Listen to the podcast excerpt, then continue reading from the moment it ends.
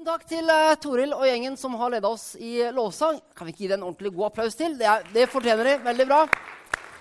Med jetlag og alt sammen så syns jeg dette gikk veldig, veldig bra. Det er bra. Yes, um, Mitt navn det er uh, Thomas Pedersen. Jeg jobber som uh, ungdoms- og studentpastor her i menigheten og har gleden av å tale i formiddag. Godt å se dere alle sammen fantastisk bra å få lov til på søndag morgen å komme sammen til gudstjeneste, lovsynge sammen, høre Guds ord, be sammen osv. Jeg tror det er en eh, fantastisk bra start på en ny uke. Og på en måte den beste starten vi kan ha på en ny uke. Eh, før jeg går på talen, så har jeg bare lyst til å fortelle om eh, to ting som har skjedd i eh, helgen i eh, Misjonskirkens regi eller arbeid. Eh, på fredag kveld så uh, starta vi opp et nytt tilbud til disse som vi kaller for betweens. Det er de som ikke er, måte, de er liksom ikke barn lenger. og så er de ennå ikke helt tenåringer, ungdom. De er liksom i alderen 9-12 år. på fredag kveld så starta vi opp et nytt tilbud for dem. Et type ungdomsklubb som vi kaller for Kveld, som kommer til å møtes annenhver fredag klokka seks ute på Jåttå.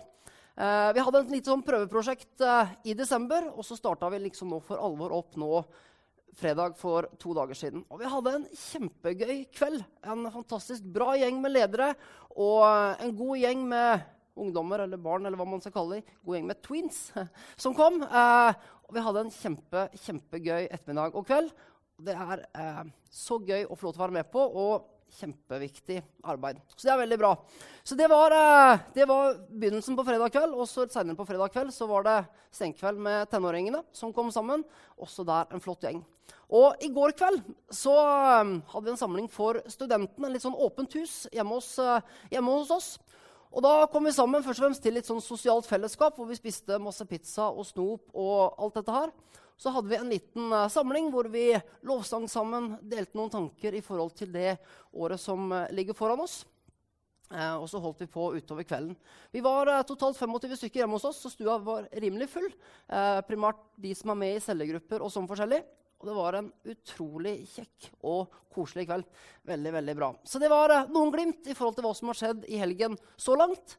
Og så er vi her nå, og så kommer det en uh, god gjeng med studenter til å samles her i kveld. Så jeg vil si det er mye bra som skjer i Misjonskirkens arbeid. Så det var litt sånn uh, intro i forhold til det som har skjedd så langt i helgen. Ok, uh, Jeg har lyst til å be en bønn, og så går vi på dagens tale. Himmelske Far, takk Herre for at du er her akkurat nå. Takk, Herre, for at du ønsker å tale til oss, Herre. Og jeg ber at vi skal få sitte med åpne hjerter og høre hva du ønsker å dele med oss, Herre, nå i formiddag. Takk for ditt ord. Og takk, Herre, at ditt ord det står fast, Herre. Amen. Amen. Vi er eh, midt inne i en eh, taleserie som vi har kalt Giftig. Og eh, Andrea hun startet forrige søndag, og hun talte om giftig påvirkning. Og Jeg vil fortsette i dag å snakke om giftige ord. Før vi kommer til å fortsette de tre neste søndager, hvor vi skal snakke om giftige tanker, relasjoner og tro. Og saken er den at hvis vi er bevisste på giftig materiale Saken er den at hvis vi ikke er bevisste på giftig materiale, hva er det skal si? Saken er den at hvis vi ikke er bevisste på giftig materiale, så kan det føre til sykdom og død. Hvis vi derimot er bevisst på det, så kan vi gjøre noe med det. Og Gordon Johnsen har sagt at det vi får bevisstgjort, kan vi ofte gjøre noe med. Det vi ikke får bevisstgjort, gjør ofte eller gjør alltid noe med oss. Og Det er litt tanken bak denne taleserien. Vi ønsker å skape bevissthet hos den enkelte av oss. For kanskje så er vi omgitt av giftig materiale som kan ødelegge oss. I dag så er det som sagt giftige ord som er tema. Og greia er den at ordene våre de har makt. Ordene våre de kan bygge opp. Ordene våre de kan være livgivende og oppmuntrende. Samtidig så, kan, eh, samtidig så, kan, ordene våre like lett være giftige. De kan bryte ned, og de kan ødelegge. Ordene våre har makt. Jeg vet ikke hvordan det er med dere, men jeg elsker å se sport på TV. Og nå i vinterhalvåret så elsker jeg å se på langrenn og skiskyting. Og jeg skal innrømme det at jeg lar meg engasjere. Foran TV så blir jeg kjempeengasjert, og jeg roper ut i vill begeistring over en god prestasjon. Og så gråter jeg litt når vi ikke vinner gull. Og når vi ser på langrenn og skiskyting på TV, så er det jo utøveren som løper rundt i løypa, som er på en måte den viktigste. Utøveren det er han vi følger, og vi, på en måte, vi følger utøveren for å se hvordan dette kommer til å gå. Og utøveren er på en måte i fokus. Men samtidig, i tillegg til utøverne, så ser vi også noen andre personer som befinner seg i løypa. Noen andre viktige personer, og det er sekundanten. Og sekundanten han har en enormt viktig oppgave for å motivere utøveren til å prestere sitt aller, aller beste. Og når f.eks. Petter Northug når Petter Northug fosser forbi sekundanten sin ute i løypa, så roper sekundanten gode og oppmuntrende ord til Petter. 'God rytme, Petter', sier han. 'Du ligger 30 sekunder foran svensken.' 'Du øker på de andre konkurrentene. Dette kommer du til å vinne.' Og så videre. Og sekundanten han fokuserer på det positive. Slik at utøveren kan få en mestringsfølelse og prestere sitt aller, aller beste.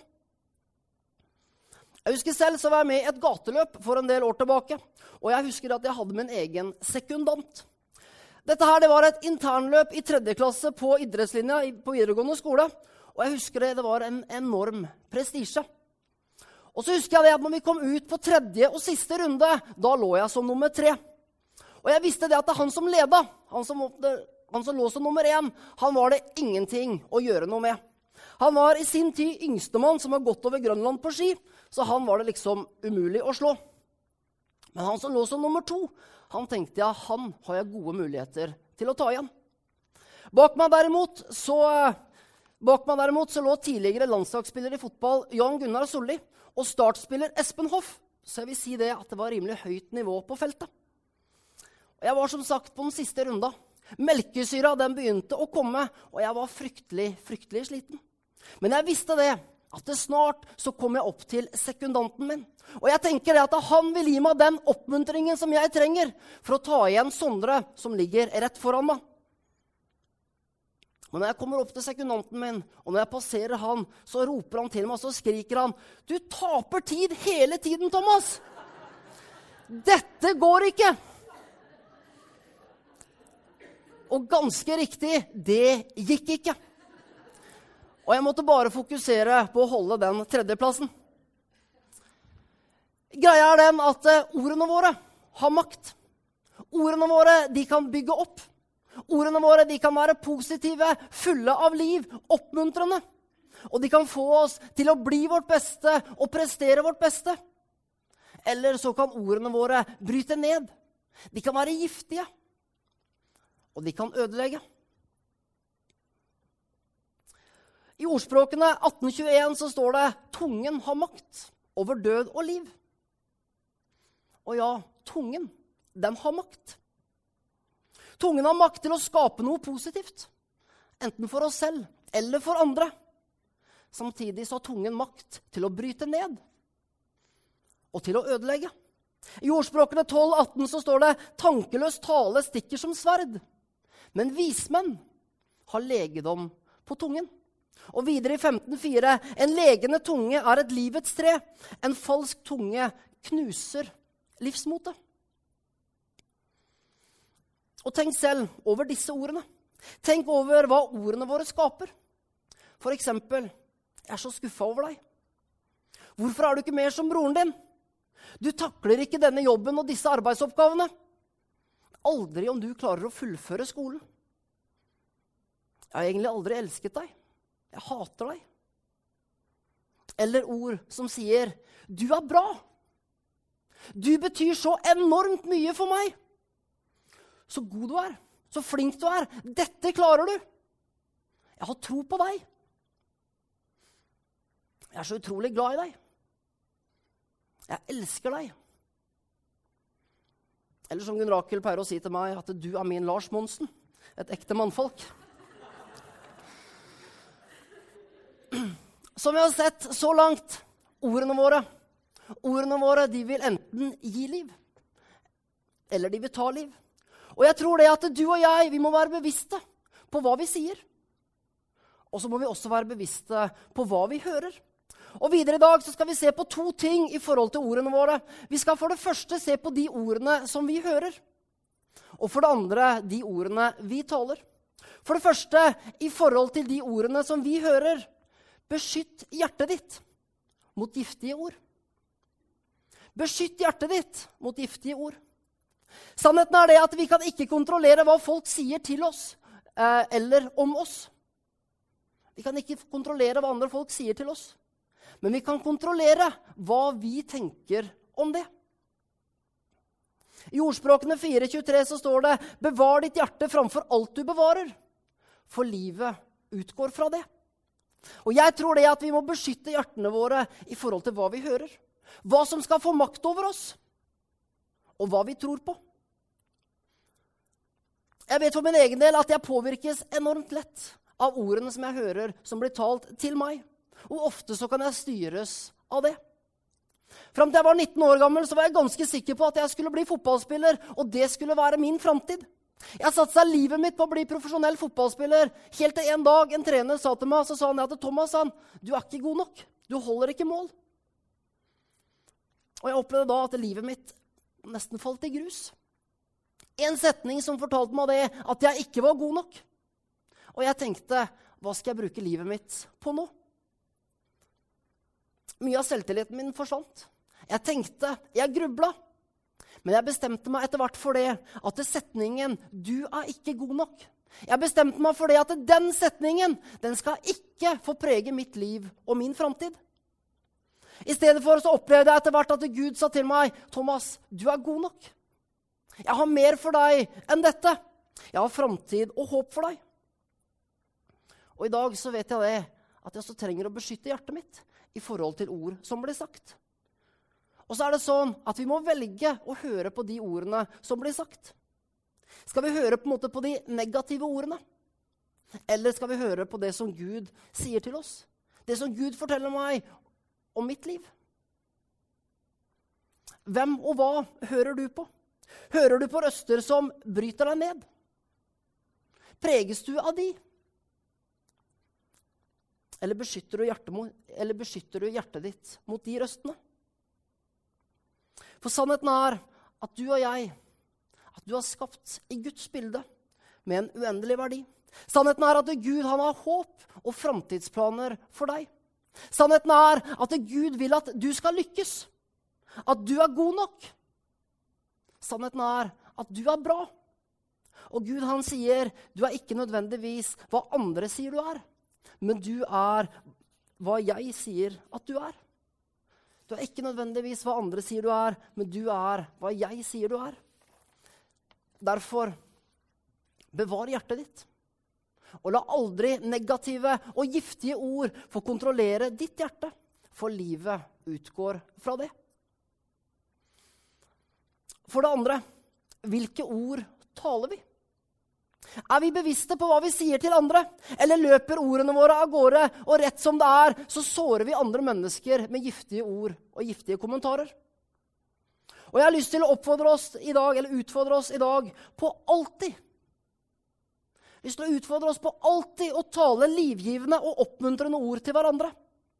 Jeg sier ikke det at vi ikke skal komme med konstruktiv kritikk og rettledning, fordi det trenger vi. Men jeg tenker det, la ordene våre være gjennomsyret av kjærlighet, godhet, nåde og liv. La oss tale ord til hverandre som bygger opp. Ikke vær den som sprer sladder. Ikke vær den som kommer med sarkastiske og giftige ord. Men ta en bestemmelse om å tale livgivende ord til mennesker som du har rundt deg. Både i familien din, på arbeidsplassen eller på skolen. Til vennene dine. Vær den som bygger opp. I Efeserne 4,29 så står det La ikke et eneste råttent ord komme over leppene. Si bare det som er godt. Si bare det som er godt, og som bygger opp der det trengs, så det kan bli til velsignelse for dem som hører på. Og jeg tenker er nettopp det ordene våre kan gjøre. De kan bli til velsignelse. Og I dag så har jeg lyst til å innføre en regel som jeg håper du har lyst til å leve etter.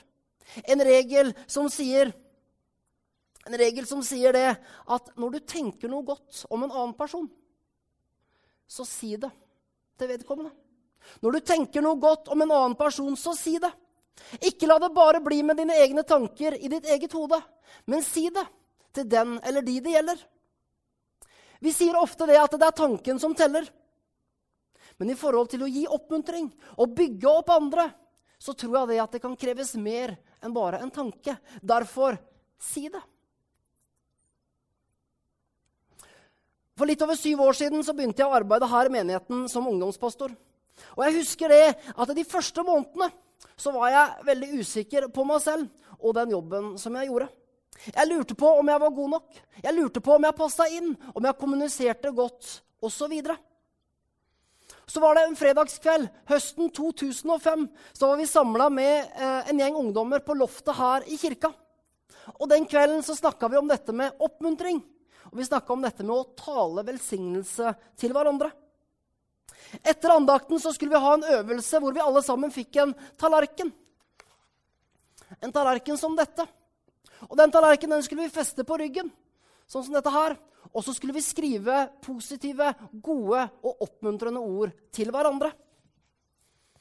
Og vet dere hva? Den usikkerheten som jeg hadde kjent på tidligere i forhold til jobben som jeg gjorde i forhold til meg selv, mye av den usikkerheten forsvant den kvelden. Vi skrev positive kommentarer til hverandre, og etterpå så kunne jeg lese. Jeg lese fra den tallerkenen, så sto det Du er en fantastisk bra fyr. Takk for bra forkynnelse. Du er så full av liv. Du taler som en helt. Ok. Gledesspreder. Alltid i godt humør og mange andre ting. Og den tallerkenen her, den har hatt liggende på kontoret i over syv år. Jeg tar den ofte fram, og så leser jeg på det som, det, jeg på det som står. Og så minner jeg meg selv på hva noen av ungdommene i kirka har sagt om meg. Hvorfor? Jo, fordi ordene våre har makt. Og ordene våre skaper. Så tenker jeg at ordene våre de vil enten gi liv eller ta liv. Hvilke ord ønsker du å tale? Ordene som er til glede og oppmuntring? Eller ordene som bryter ned? Og Jeg tror det er et valg som vi trenger å ta hver eneste dag. Helt til slutt tal livgivende ord til deg selv og dine omstendigheter. Jeg tror det at Mange ganger så har vi så lett for å kritisere oss selv. Og mange ganger så kan det være lettere å tale negativt til seg selv enn positivt. Vi sier så lett at eh, 'dette får jeg ikke til'. 'Dette klarer ikke jeg'. Jeg kommer aldri til å få den jobben. Jeg kan bare glemme en god karakter på skolen, osv. Og, og kanskje trenger vi kanskje trenger vi litt Pippi Langstrømpe-teologi. Og Pippi hun, det, Pippi hun sier det at 'dette har jeg aldri prøvd før', så dette kan jeg helt sikkert enda bedre enn Pippi Langstrømpe-teologi er Jesus-teologi. Og Jesus han sier i Matteus 11,23.: Sannelig, jeg sier dere, om noen sier til dette fjellet Løft deg og kast deg i havet, han ikke tviler i sitt hjerte, men tror det han sier, vil skje. Skal det også, bli, skal det også gå slik? Og jeg tror det at vi kan alle sammen ha problemer så store som fjell i livene våre. Utfordringen som Jesus gir oss her, det er å ikke snakke om, om, om, fjellene våre, men snakke til fjellene våre om Gud.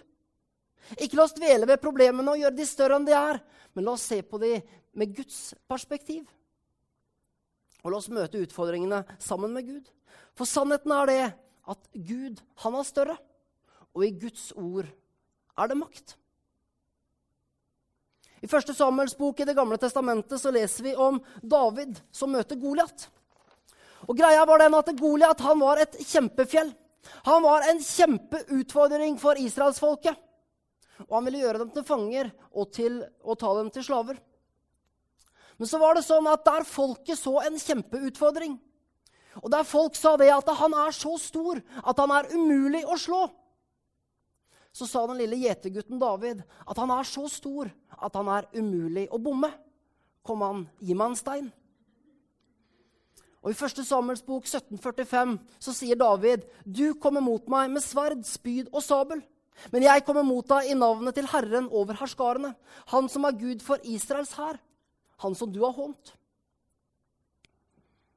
Hvem møter du omstendighetene i sammen med? Sier du til deg selv at 'dette får jeg ikke til', 'dette klarer jeg aldri'? Eller sier du til deg selv at ingenting er umulig for Gud? Og i sammen med Han så kan jeg overvinne alt. Ingen omstendighet eller noen situasjon er for vanskelig. Helt til slutt.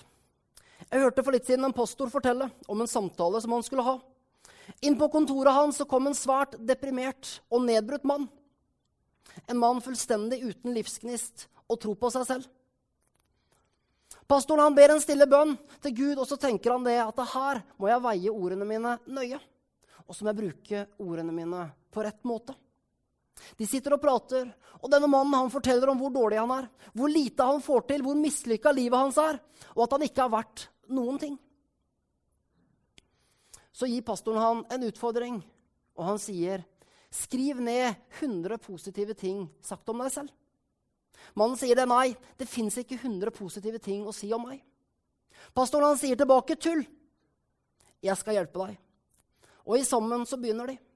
Dette her, det tar tid, men etter hvert så sier mannen, 'Jeg er flink til å skrive'. Bra, sier pastoren. Fortsett. Jeg er egentlig ganske morsom. Jeg er en dyktig bibellærer. Folk hører når jeg snakker. Jeg er godt likt. Og slik fortsatte de, og etter en stund så hadde denne mannen sagt 100 positive ting sagt om seg selv. De avslutta samtalen, de ba i sammen, og mannen forlot pastoren. Det gikk noen år. Denne pastoren han talte på et stort møte, og etter møtet så kommer det en ung, kjekk mann med en nydelig familie opp til pastoren. Og mannen han sier, 'Husker du meg?' Ja, sier pastoren. Mannen sier videre det at eh, 'jeg ville bare det at du skulle hilse på kona mi' 'og den nydelige dattera mi'. Og så vil jeg vise deg dette. Og opp av lomma si så trakk denne mannen et slitt ark. Og på arket så sto det 'Jeg er flink til å skrive'. 'Jeg er egentlig ganske morsom'. Og 100 andre positive ting sagt om seg selv. Mannen han sa videre, 'Jeg har dette med meg overalt hvor jeg går.' Fordi disse ordene redda livet mitt. Og jeg tenker det er akkurat det ordene våre kan gjøre. Ordene våre er livsviktige. Ordene våre gir liv. De kan bygge opp. Og Avslutningsvis så har jeg bare lyst til å si tal gode, oppmuntrende og livgivende ord til mennesker rundt deg. Tenker du noe positivt om en annen person, så si det. For kanskje er det akkurat det den personen trenger å høre den dagen. Og for din egen del, beskytt hjertet ditt mot giftige ord. Og tal positive ord til dine omstendigheter. Skal vi be sammen. Himmelske Far, takk, Herre, for at du elsker oss, Herre. Og takk, Herre, for at når du ser på oss, så ser du Så sier du, Herre, at vi er så bra. Takk, Herre, for at du elsker oss med en evig kjærlighet. Takk, Herre, for at du har skapt oss med gaver og talenter som er unike for den enkelte av oss. Og takk, Herre, for at du er vår sekundant. Du heier på oss. Du ønsker å oppmuntre oss. Du ønsker å gi oss bare det beste. Du vil at vi skal lykkes. Takk, Herre. Og Jesus ønsker bare å be for oss alle akkurat nå, Herre. Du ser hjertene våre. Og Herre, jeg ber at, vi, at du skal bare tale gode og positive, oppmuntrende ord, Herre, inn i hjertene til den enkelte akkurat nå, Herre Jesus. Herre, i Jesu navn så beskytter vi hjertene våre, Herre, mot negativ tale, mot giftige ord. Og så åpner vi opp, Herre, for det som du ønsker å si oss. Takk for det, Herre.